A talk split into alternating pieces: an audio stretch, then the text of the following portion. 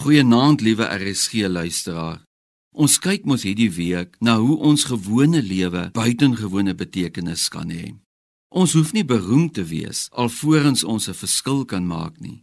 Vanaand gesels ons oor die opdrag om vredemakers te wees wat binne ons almal se bereik is. Jesus het homself ook in Matteus 5 vers 9 gesê dat vredemakers gelukkige mense is omdat hulle kinders van God genoem sal word. Mens kan dit eintlik nog beter vertaal met God noem sulke mense sy kinders. Want deur vrede te maak, kan ons herken word as mense wat in 'n verhouding tot God staan. Daarom dat God ons dan as sy kinders beskou. Ook Paulus roep ons op in Romeine 14 vers 19 om vredemakers te wees wanneer hy sê: Laat ons ons dan beywer vir die dinge wat die onderlinge vrede en opbou bevorder. Vrede behoort 'n karaktertrek van 'n gelowige te wees. 'n Mens kan natuurlik eers die vrede van God uitdra nadat jy ook die vrede met God ervaar het.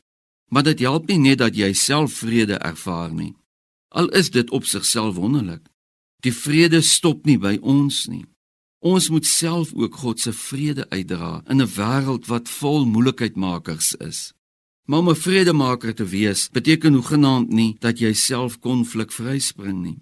Paulus is terdee bewus van die stryd wat ons as mense ervaar en daarom sê hy in Romeine 12 vers 18: As dit moontlik is, sover dit van julle afhang, leef in vrede met alle mense. So dit beteken ook nie dat vrede ongeag die prys nagejaag moet word nie. Ons moet egter nie agter hierdie vers skuil en ophou om daarna te streef om vrede te soek nie. Dit moet steeds ons strewe wees om vrede na te jaag. Vrede in my eie lewe en vrede tussen mense rondom my. Maak dit jou doel om vrede te bewerkstellig in jou gesin en in jou familie, tussen broers en susters, tussen bure in jou woonstelkompleks, tussen kollegas by die werk, tussen vriende in jou vriendekring. Daarom dat hy die opdrag om vredemakers te wees, nie net aan Nobelpryswenners of aan politici of aan regters of mediators of aan konings gegee het nie.